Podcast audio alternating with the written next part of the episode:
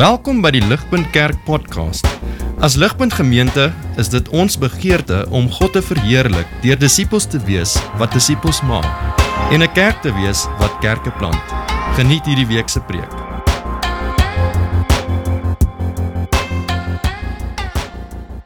So ek glo as ek um vir ons vra wie van ons hier wil wil regtig 'n gebalanseerde lewe leef. Jy weet een waar amper half alles in jou lewe net voel of dit op 'n goeie ekwilibrium is. Jy weet, ehm um, jy's nie te veel daar nie, ook nie te min hier nie. Ehm um, dan sal ek dink meeste van ons sal sê ja, ek ek ek, ek wil graag 'n gebalanseerde lewe leef.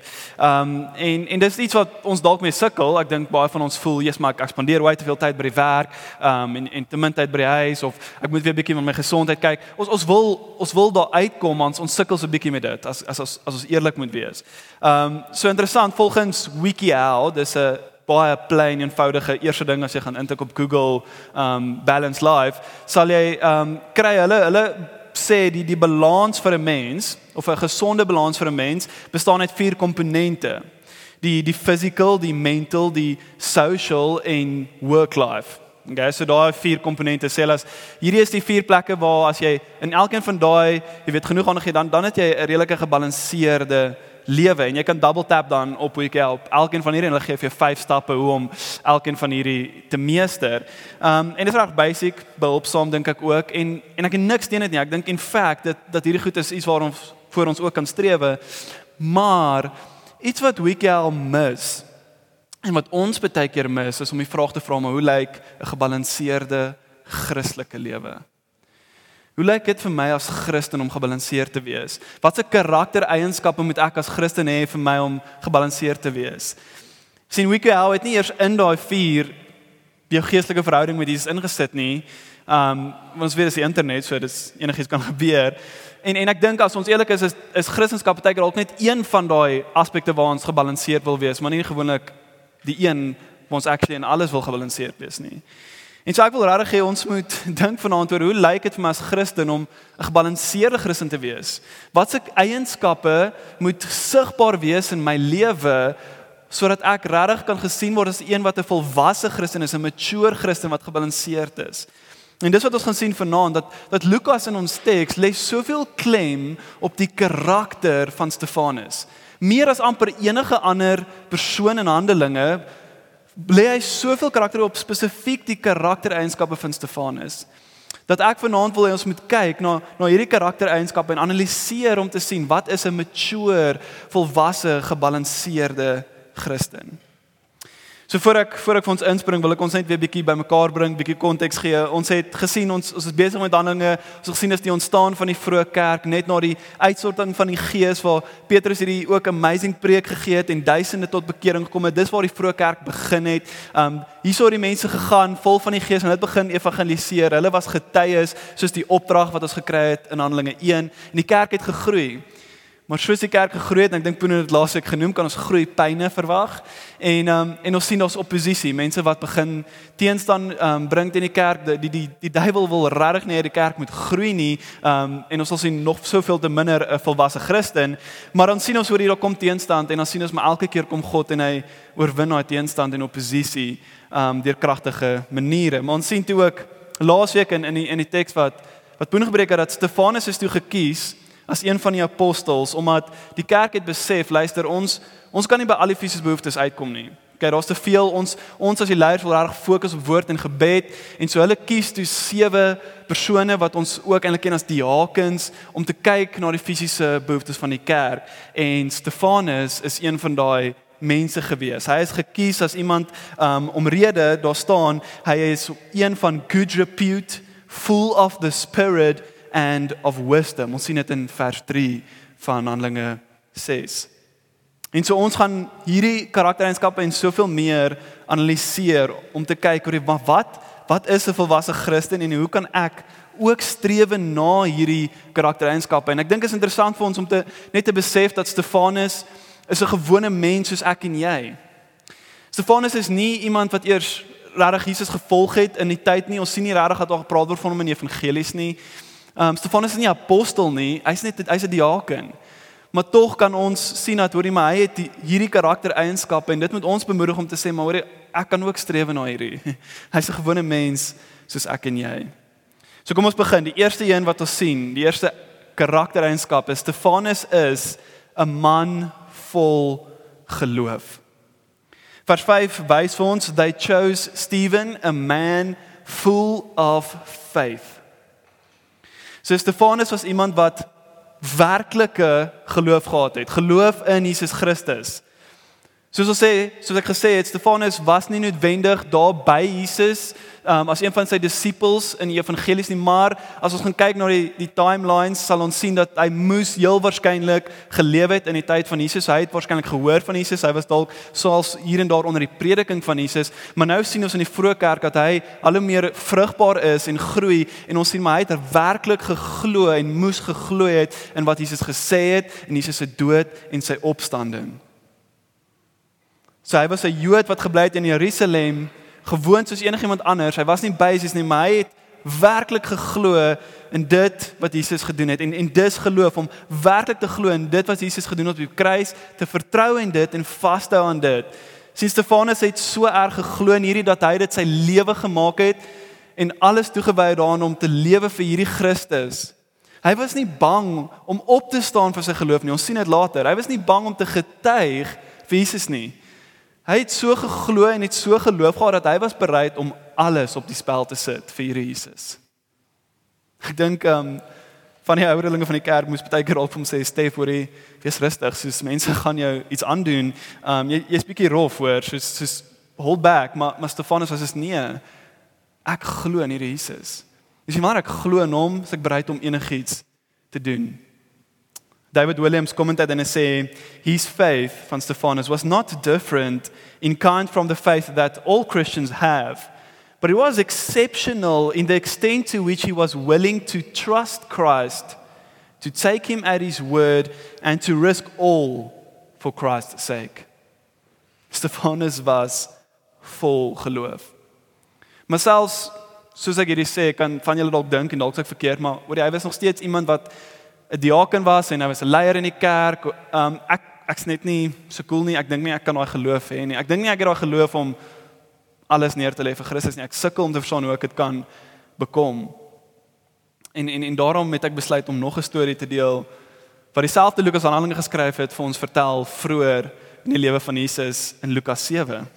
Sien in Lukas 7 sê sê Lukas vir ons, um hy vertel vir ons die storie van van 'n centurion, 'n Romeinse soldaat uh, wat autoriteit gehad het oor oor honderde wat um in beheer was. Hy was 'n bevelvoerder gewees. En hierdie soldaat vir hierdie bevelvoerder het 'n klomp mans onder hom gehad. Maar hy het gehoor van hierdie Jesus en hy het gehoor van wat Jesus al gedoen het.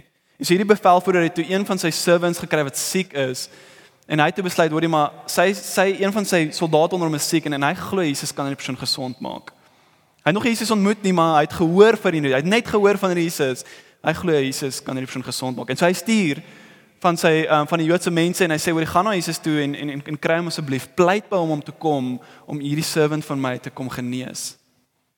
En so Jesus kom toe toe hy hoor van hierdie en Jesus besef toe okay, ek gaan kom.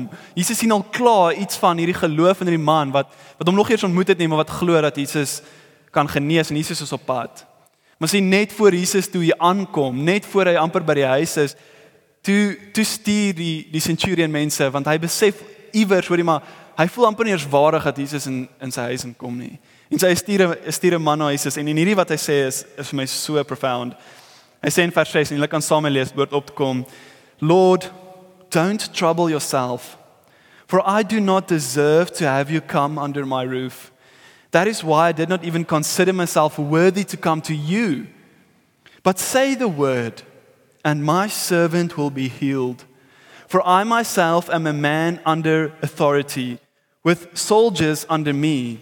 I tell this one, go, and he goes, and that one, come, and he comes. I say to my servant, do this and he does it. En dan wil ek hê let op na Jesus se antwoord in vers 9 toe hy hierdie hoor. Jesus was amazed at him. 'n Ander vertaling sê Jesus marveled at him. And turning to the crowd that followed him said, I tell you, Not even in Israel have I found such faith. Sien wanneer ons lees dat Jesus marvel, dink ek ons moet so 'n bietjie pause, want Jesus het hierdie woord net een ander keer gebruik in al sy preke en dit was toe hy gesê het hy het gemarvel at the lack of faith van mense in Israel. Dit was vir Jesus so amazing dat 'n nie-Joodse soldaat van alle mense, 'n 'n 'n vreemdeling tot die verbond van Israel. Hierdie hierdie persoon het niks geweet van die Ou Testament omtrent nie. Hy het nie verstaan eers van die Ou Testament nie. Hy het nie die leer ontvang soos die Jode van hierdie wet nie. Maar hierdie persoon sien wat bitter min van die actual Jode met al die opvoeding in die Ou Testament sien wanneer hy na Jesus kyk. Hy sien hierdie is die seun van God sien anders as meeste Jode Jode sien die centurion 'n goddelike heiligheid in Jesus en hy sien sonde in homself en hy besef hy is nie eers waardig om na Jesus toe te gaan of dat Jesus na hom toe kom nie. So heilig is Jesus en so hoog in autoriteit is hy die seun van God. En dan sien ons ook die centurion erken Jesus se autoriteit. Hy hy weet dat aan Jesus is alle autoriteit gegee in hemel en op aarde. En hy weet Jesus hoef net te praat. Jesus hoef net iets te sê en enige siekte, maak nie saak hoe ver van hom af nie, sal genees word. Dis wat sy vertroue, dis wat sy geloof hierdie persoon gehad het. Dat hy weet Jesus kan waar ook al hy is, net die woord sê en sy servant sal genees word. Hierdie persoon het besef nog voor Jesus kruis toe gegaan het, wat baie eers besef het toe hulle by die kruis is, dat Jesus is werklik die seun van God. Hierdie centurion wat se geloof Jesus in verwondering gelaat het, wat gemaak het dat Jesus marvel was, was nie 'n disipel nie. Hy het geen wonderwerke gedoen soos die ander disippels nie. Hy het geen kerke geplant nie. Hy het geen graad nie, hy het nie 'n geestelike titel nie. Sy Christen CV kan ons self sien as unimpressive waarskynlik. Maar die man met die greatest faith in all Israel was 'n Romeinse bevelvoerder wat eenvoudig geweet het wie Jesus is wat hy kan doen en nederig gevra het en vertrou het dat hy sal ontvang wat hy nodig het. En hy het werklik geglo in Jesus. En ek en jy ons kan dieselfde doen. Jy kan vandag na Jesus toe kom net soos jy is. Jy hoef geen titel te hê nie. Jy hoef nie die haken te wees nie. Jy kan kom net soos jy is en erken en glo Jesus is die seun van God. Jy kan besef wat Jesus vir jou gedoen het en vra nederigheid en vertrou in hom en jy sal 'n mens, 'n Christen vol geloof wees. sien die geloof van die centurion wat so eenvoudig was? Dis dieselfde geloof wat vandag nog maak dat Jesus marvel. So so Stefanus en hierdie centurion vol geloof was, mag ons streef daarna om vol geloof te wees. Dis die eerste eienskap wat ons sien van Stefanus, die die Torian wat ons sien. Um en ons het reeds so baie gepraat oor hierdie onderwerp wat vir my so amazing is is dat Stefanus was 'n man vol van die Heilige Gees. Ons sien hier op drie plekke, maar ook vers 5 en en dan weer vers 8 en ook aan die einde van hoofstuk 7 dat Stephen was a man full of the Holy Spirit. Ons sien hom beklemd dat hy was full of power. Ons weet dat die Gees het kragtige werk in en deur hom sien om vol van die gees te wees was 'n vereiste gewees ook vir vir die sewe diakens wat gekies word, sewe mense wat moes dien en en Stefanus was een van hulle.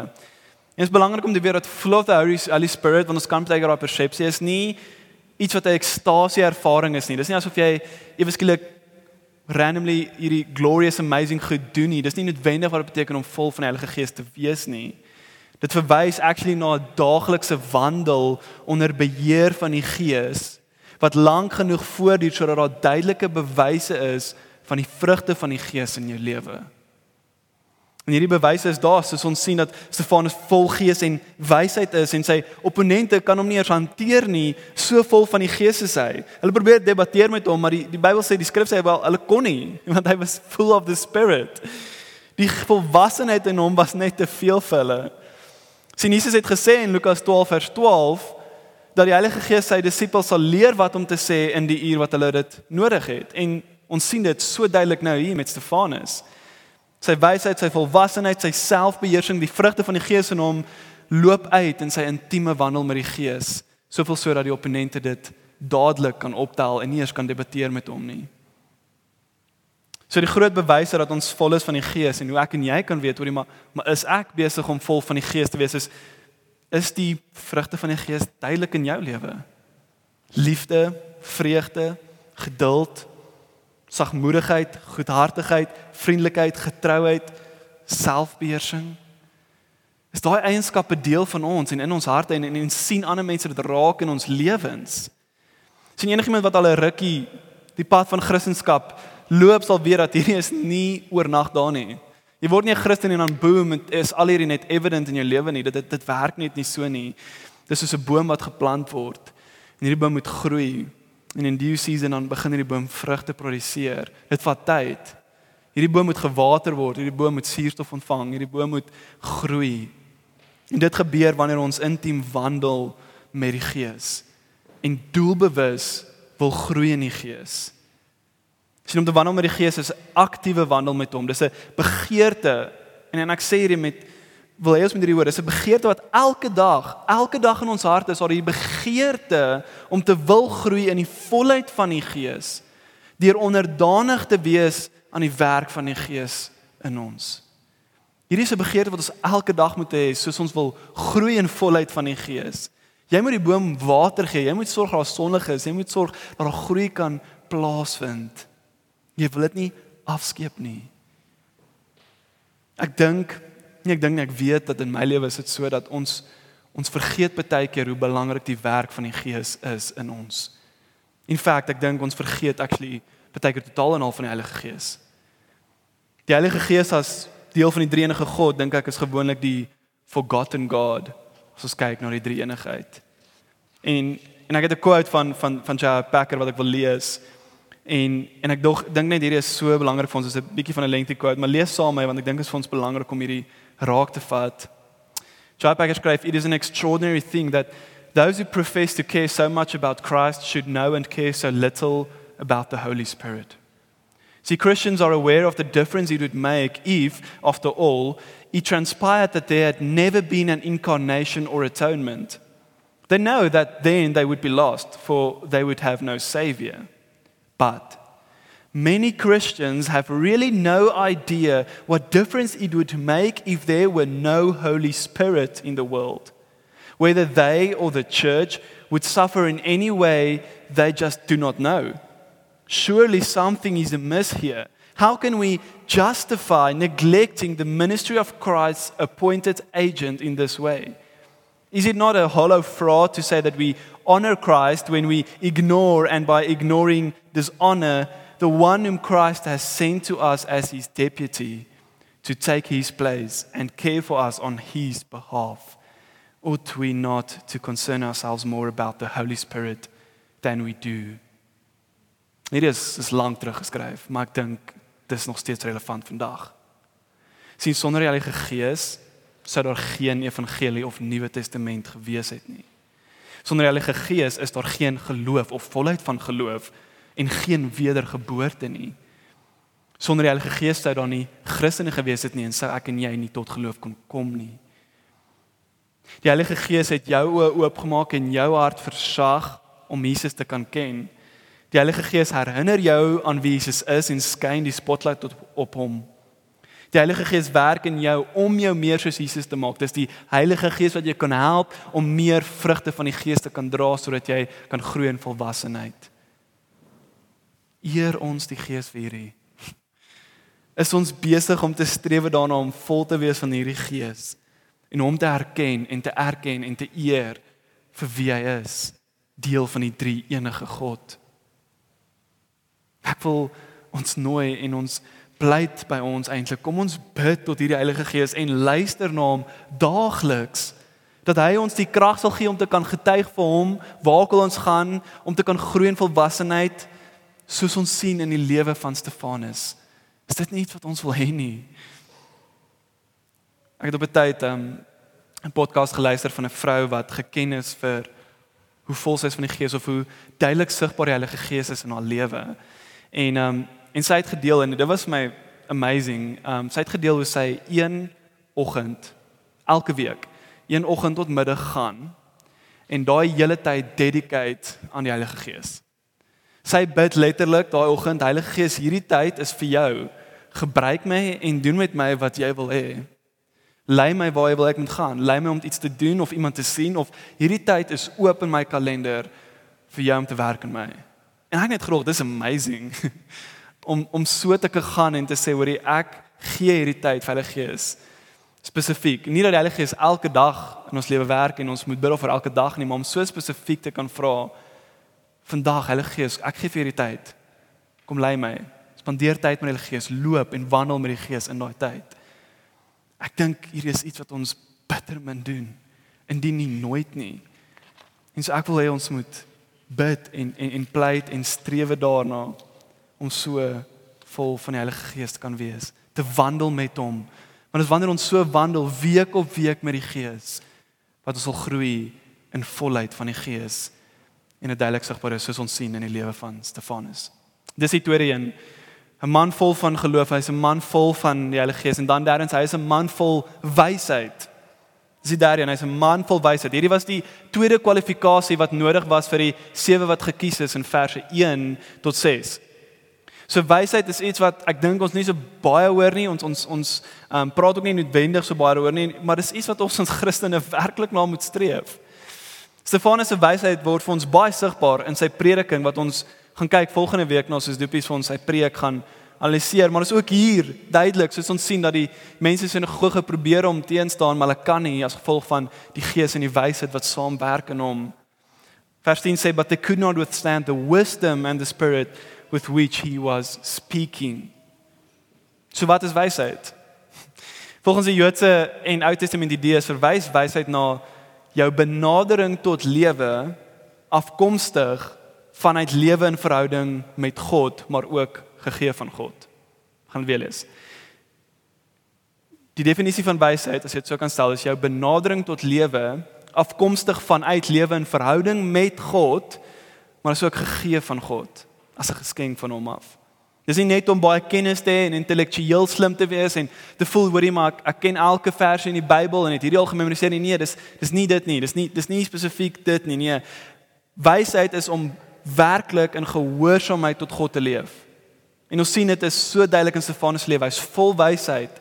En omrede sy benadering tot lewe is e-, een is wat direk vloei uit sy verhouding met God, kan mense nie eers met hom debatteer nie want sy wysheid van God is net so treffend. En so die vraag is vir ons, ek maar hoe hoe bekom ons wysheid? Want dit is 'n moeilike konsep. Dit is 'n moeilike ding om te verstaan. Hoe kan ons groei in wysheid?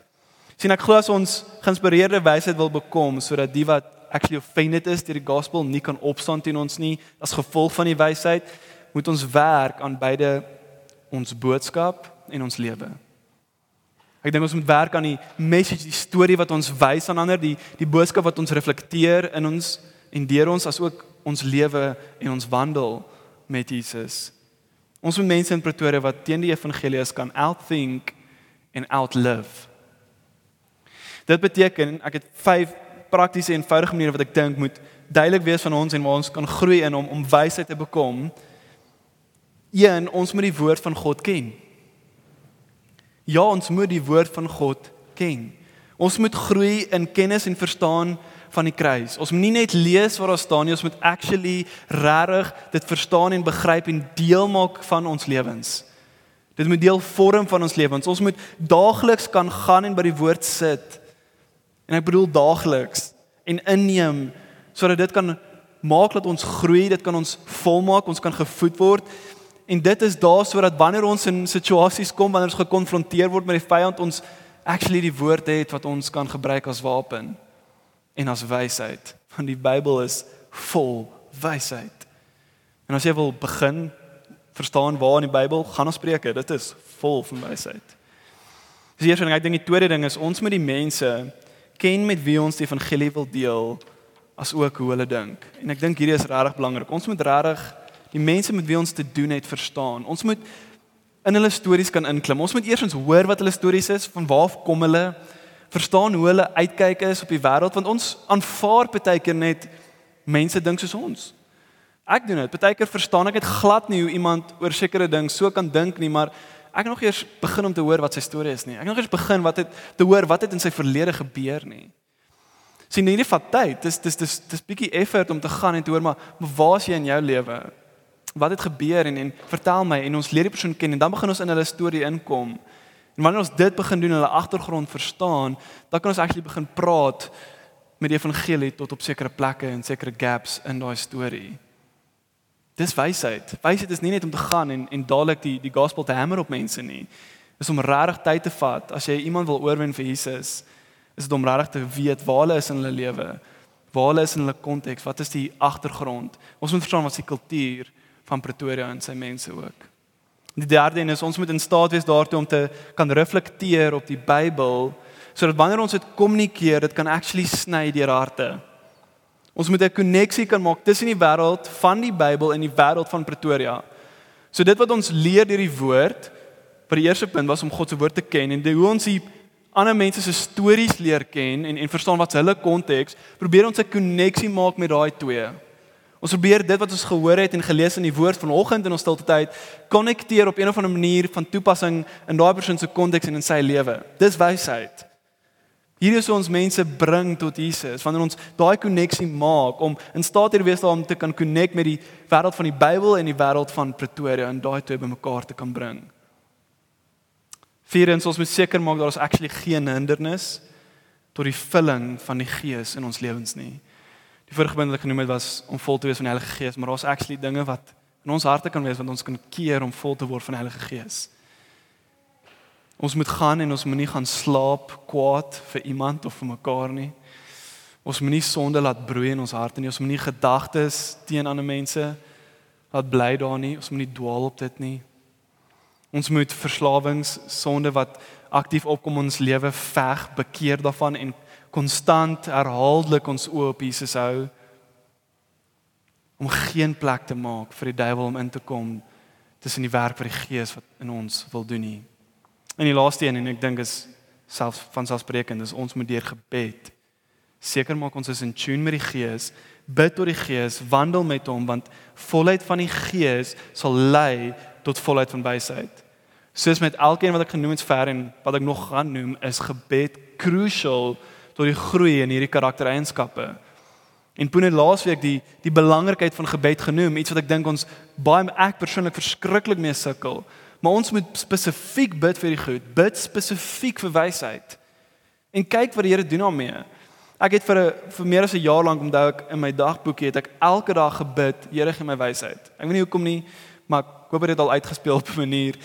Maar dis iets wat ek spesifiek vir gebid het want ek het geweet in hierdie lewe en hierdie wêreld en al die keuses wat daar is om te maak en dinge waarmee ons gegooi word elke dag, het ons wysheid nodig. En ek is jong, 20 jarige gewees toe en ek was soos hoorie, ek weet nie om alles te hanteer nie en ek het wysheid nodig.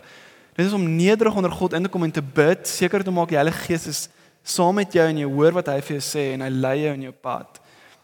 Ons hierdie is iets waarvoor ons kan bid daagliks, bid vir wysheid.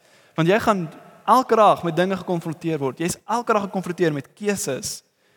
En wanneer ons bid vir wysheid om in tune te wees met die Heilige Gees, sal ons daai keuses kan maak en die Here sal ons lei in dit. Dis die derde een, die, die vierde een is 'n man vol genade. Um een wat vir my so mooi is vers 8 sê vir ons, he was a man full of God's grace sien hierdie kom net voor die aankondiging dat God actually kragtig deur Stefanus gewerk het en dit gee vir ons 'n ander ding dat hierdie grace is iets wat innerlik innerlik deur God gemanifesteer is in hom. Iets wat vir my baie cool was is twee kommentators verwys na hierdie grace as 'n spiritual charm of or winsomeness. Dis amper 'n aantreklikheid in hierdie persoon as gevolg van die genade wat deur hom kom. Die manier hoe hy lewe in God se genade is aantreklik. Dis iets wat mense na kyk en na opkyk. En dis iets waarvoor ons waarna ons moet streef. Stefanus het toegelaat dat God se genade hom daartoe lei dat as ander na hom kyk, besef hulle oor hier's iets wat jy het wat ek wil hê want dis aantreklik. Dit verwys nie na swakheid of iets wat sag is in ons nie. En dis duidelik gemaak soos Stefanus gepraat met die Jode. Maar dis om regtig verander sigbaar te kan maak dat Jesus is aan die werk in my lewe want ek lewe by sy genade. So om te groei in te genade in te genade is nie net actually iets om na te streef nie, maar interessant genoeg, dis actually iets wat Ons moet groei in. Dis 'n opdrag wat gegee is aan ons. sien in 2 Petrus 3 vers 17 tot 18, jy kan saam lees sê dit um, Petrus skryf, Take care that you are not carried away with the error of lawless people and lose your own stability, but grow in the grace and knowledge of our Lord and Savior Jesus Christ. Sien, is interessant dat hierdie teks ons uitwy dat daar's nie net 'n opsie van groei in genade of bly waar ek is nie. Nee, nee, nee. Dis of groei in genade of get carried, carried away. Met ander woorde, as ons nie groei in genade nie, verloor ons ons stabiliteit. Ons gaan agteruit. Ons bly nie op een plek nie. Sien dis groei in volheid van genade in Christus kan ons actually die, die genade in Christus ons kan actually dit heeltemal verloor wanneer ons nie aktief wil groei in hom nie. So hoe doen ons hierdie? Petrus help ons daarom weer uit. Um net 'n bietjie vroeër in 1 Petrus 2 vers 1 tot 3 sê hy put away all malice and all deceit and hypocrisy and envy and all slander.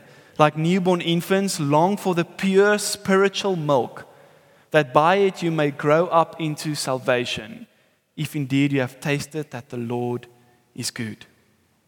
So ons groei in genade deur pure spiritual milk en en vir die wat nie weet nie Petrus maak duidelik dat hierdie pure spiritual milk is die living and abiding word of God. Dis die goeie nuus wat ons Sondag na Sondag hier hoor en elke oggend moet inneem sodat ons actually kan groei in genade en aantreklikheid. En ek beloof jou dat wanneer jy die dag begin in God se woord, gaan jy 'n meer aantreklike mens wees vir die daar buite. En jy kan dink, "Jo, maar dis nie baie genadig om vir my te sê, "Jesus, maar ek moet elke dag die woord lees nie." Dit voel of jy bietjie hamer op my, jy weet, so sê bietjie grace. Ek het 'n ek het 'n moeilike week. Ek moet vroeg op wees, by die werk wees en en jy voel maar dis vir my bietjie in, in teenstand met mekaar. Ek wil vir ons 'n quote lees van David Matthews wat hierdie aanspreek. And I say no matter how prone we may be to put the grace of God and the word of God against each other, they always go together. Hearing the voice of our God in his word is never at odds with living by his grace. And true grace never shuts the mouth of God or stops our ears to his words.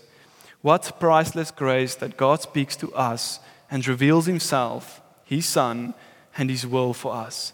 Living in light of His grace is never at odds with hearing Him speak in His Word. Sien God se woord wat ek nou al veel keer ingebring het in hierdie karaktereienskappe is sentraal tot ons groei in hierdie eienskappe. Dit is sentraal tot groei in genade.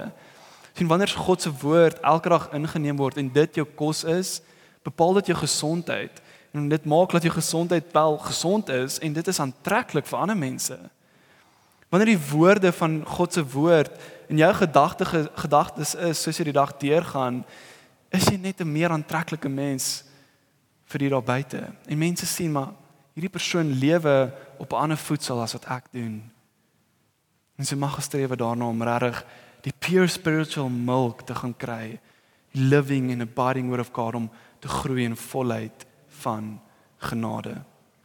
Die laaste een is dat Stefanus was 'n man in werklike verhouding met die lewende God. Ek dink hierdie is niets niets nie na ons gekyk het na die ander karaktereienskappe, na ons gesien het wie hy is, dat Stefanus het regtig 'n lewende, aktiewe, geestelik gevulde verhouding met God gehad. Dit is so duidelik in sy lewe en hy was bereid om sy lewe op die spel te sit vir hierdie Jesus. En dit is interessant om te sien dat Stefanus se communion met God, sy gemeenskap met hom, sy fellowship met God, amper verdiep elke keer soos die oppositie sterker raak teen hom. Maar amper op 'n manier elke keer as die duiwel hom kom challenge, dan begin sy verhouding met God net groei en floreer. Ons sien dit um dat Stefanus toe verhoor is, sy band met God is so sterk, sy gesig begin skyn en lyk soos die van 'n engel. Dis aan die einde van ons teks. Soos imagine daai prentjie. Van jy skree op hierdie ou, jy wil hom amper doodmaak en hy begin net gloei. jy moet besef hier is iets aan die gang. En in die volgende gedeelte wat Dopies vir ons gaan preek, volgende week sien ons dat oor die huis op die ou end gestenig.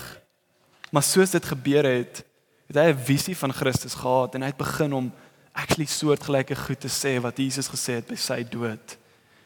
En ek noem dit want ek wil hê dat ons moet besef dat Stefanus wat 'n mens is soos ek en jy het 'n werklike lewendige verhouding met God gehad. Dit was so intiem. En hier is iets waarna ons moet streef. David Willem sê vir ons dat hierdie is 'n description of one whose communion with God was such that something of the divine glory was reflected in him. En dit is so interessant dat hierdie hierdie beskrywing van die divine glory wat gegloei het, daarom is iets wat ons sien van Moses in die Ou Testament soos hy gekom het van die berg na hy met God gekommunikeer het en gegloei het van God se heiligheid of van gelykheid soos hierdie engel En dan is dit eintlik baie ironies dat die mense hom actually vir Stefanus beskuldig het dat hy teen Moses en God praat. Hier is iets wat ons moet streef. Hoe amazing moet dit ons wees om te weet ons kan streef daarna om in absolute divine glory te reflekteer wie Jesus is vir ons. Sien Stefanus se communion met God is is regtig iets amazing and special, maar is iets wat elkeen van ons kan bekom. Ons moet nie voel ons kan nie by uitkom nie. Ons moet nie voel nee, dis te ver vir my nie. Ons moet streef daarna. sien communion met God, verhouding met hom is amper half die pinnacle van 'n gebalanseerde lewe met Jesus. Alles wat ek genoem het, die die vol van geloof, wysheid en die gees, al daai kom bymekaar in verhouding met hom, maar net so is verhouding met hom ook iets wat uitspeel in al daai. So dis amper half almal is intertwined en ek dink hulle sou dit agterkom soos ek deur hier gegaan het dat ons amper al 'n link tussen al hierdie eienskappe van 'n gebalanseerde Christelike lewe.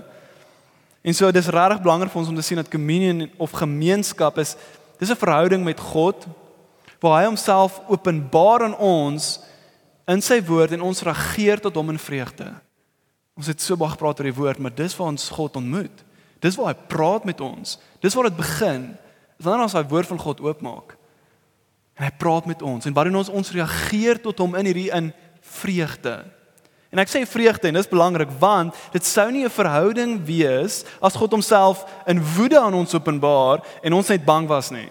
Sien dit kan dalk 'n legitimate ware openbaring wees dat God is a God full of wrath and a just God, maar dis nie 'n verhouding nie.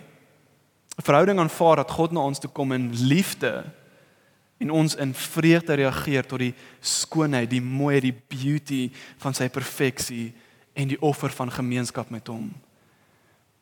Die heilige God, die skepper van die heelal, kom na jou toe en hy sê jy ek wil 'n verhouding wees met jou. Ek wil 'n intieme verhouding wees met jou. Ek wil net hê jy moet soos net een van my buddies wees nie. Nee nee nee nee. Ek wil hê ons moet beste vriende wees. Soveel meer. Ek wil hê my kind wees. Daai daai tipe verhouding Dis intiem. Dis gemeenskap wat hy wil hê met jou. En ons mis hierdie, maar dit begin in God se woord. So sien wanneer ons God se woord neglect, neglect ons die amazing offer dat God wil verhouding hê met ons. Die amazing offer dat hy sê oor die ek wil met jou praat. Jou Bybel lê op jou kassie en dis God wat met jou wil praat. Wanneer hom oopmaak, dis wanneer hy kan praat met jou. En so ons moet streef daarna dat hierdie is iets wat ons soveel keer mis, maar wat so belangrik is om God se woord oop te maak sodat ons kan groei in communion met hom in verhouding met hom. Ons sien dit in, in ons gaan volgende week sien in Stefanus teks dat die, die preek wat hy gee is net soos Bybel oral. Sien Stefanus het God se woord regtig elke dag redelik seker meer as een keer bestudeer en gelees. En dis hy gegroei in sy verhouding met hom. En jy kan vir my vra maar why bother met verhouding met God? Hoekom doen ons hierdie. Dalk is jy skepties oor dit. John Piper sê wel communion with God it's the end for which we were created. The Bible says that we were created for the glory of God. Yet glorifying God is not something we do after communing with him, but by communing with him. See many human deeds magnify the glory of God's goodness, but only if they flow from our contentment in communion with him. En jy kan vra maar hoe groei ons hierdie hoe groei ons in verhouding met God hoe behalwe die feit dat ek die woord lees, wel ek het goeie nuus. Sien God self neem die inisiatief om homself te versoen met ons. God die Vader stuur Jesus, sy enigste seun, om die volle straf wat ons verdien as sondaars op homself te neem deur sonde te word. So God straf Jesus in ons plek Hy betaal die prys met sy lewe. En omdat Jesus sy lewe verruil met ons in, sê ek vat jou lewe, die lewe wat wat jy so sondig lewe en so gebroken is, ek gee vir jou my perfekte lewe en ek vat jou sondige lewe op my. En ek kan sterf met daai lewe, betaal die prys wat moet betaal word sodat jy vry kan gaan, maar jy's nie net vry nie. Jy het nie net geregtigheid ontvang nie met ander woorde dat jy reg is en in regte verhouding staan met God en God nie meer jou wil oordeel nie. Nie nie net dit nie wat al klaar amazing is nie. Jy het nie net vergifnis van sonde nie wat ook amazing is nie. Nee nee nee, jy het nou die geleentheid om 'n verhouding met my te wees. Want wanneer ek nou na jou kyk, sê God, sien ek nie 'n sondige mens nie, ek sien Jesus raak. En so jy is my geliefde seun, my geliefde dogter en in jou verheug ek my kom en hê communion met my. Ek wil jou ken. En ek wil jou geniet. So daai het ons dit, dis die die wiki out tot 'n gebalanseerde Christen lewe vyf karaktereienskappe wat ons sien. Stefanus was 'n man vol geloof, hy was 'n man vol van die Heilige Gees, hy was 'n man vol van wysheid. Hy was vol genade en hy het regte kommunie gehad met God. En ek wil hê jy moet gaan en jouself afvra maar waar kan ek begin? sien jy kan net een van hierdie vat. begin hierdie week om reg te wil groei in dit en en jy sal gou sien wel om te begin groei en een van hierdie sal effek hê om te groei in al die ander karaktereienskappe want dit is nogals intertwined. Maar begin iewers. Maar maak 'n effort om te streef daarna om te sien ek kan groei in hierdie karaktereienskappe om meer en meer soos Jesus te word, om hom te geniet en hom te verheerlik daardeur. Mag God ons help met dit. Kom ek bid vir ons. Ja Here, dankie vir um vir die woord. Here, dankie vir Stefanus. Here, dankie vir die lewe wat hy geleef het. Here, een waar hy bereid was om alles op die spel te sit omdat hy u geken het, omdat hy geloof gehad het in u, omdat hy werklik 'n verhouding gehad het met u en be, besef het dat dit is die die dood werd om te lewe vir u en om u woord te verkondig. Here, mag ons geïnspireer wees deur Stefanus se lewe. Mag ons wil streef na na die karaktereienskappe wat te sien sigbaar is in sy lewe. Mag dit begin duidelik raak in ons lewe en mag ons regtig begeer daarna om te wil groei in hierdie Here, dis my gebed vir elkeen van ons hier om nie te wil stagnate of te wil verveeld raak waar ons is nie, maar te besef dat daar's nog soveel om te kan bekom. Hierdie is my gebed en ek vra dit in Jesus se naam. Amen. Vir meer inligting oor Ligpunt Kerk, besoek gerus ons webwerf op www.ligpunt.com of kontak ons gerus by info@ligpunt.com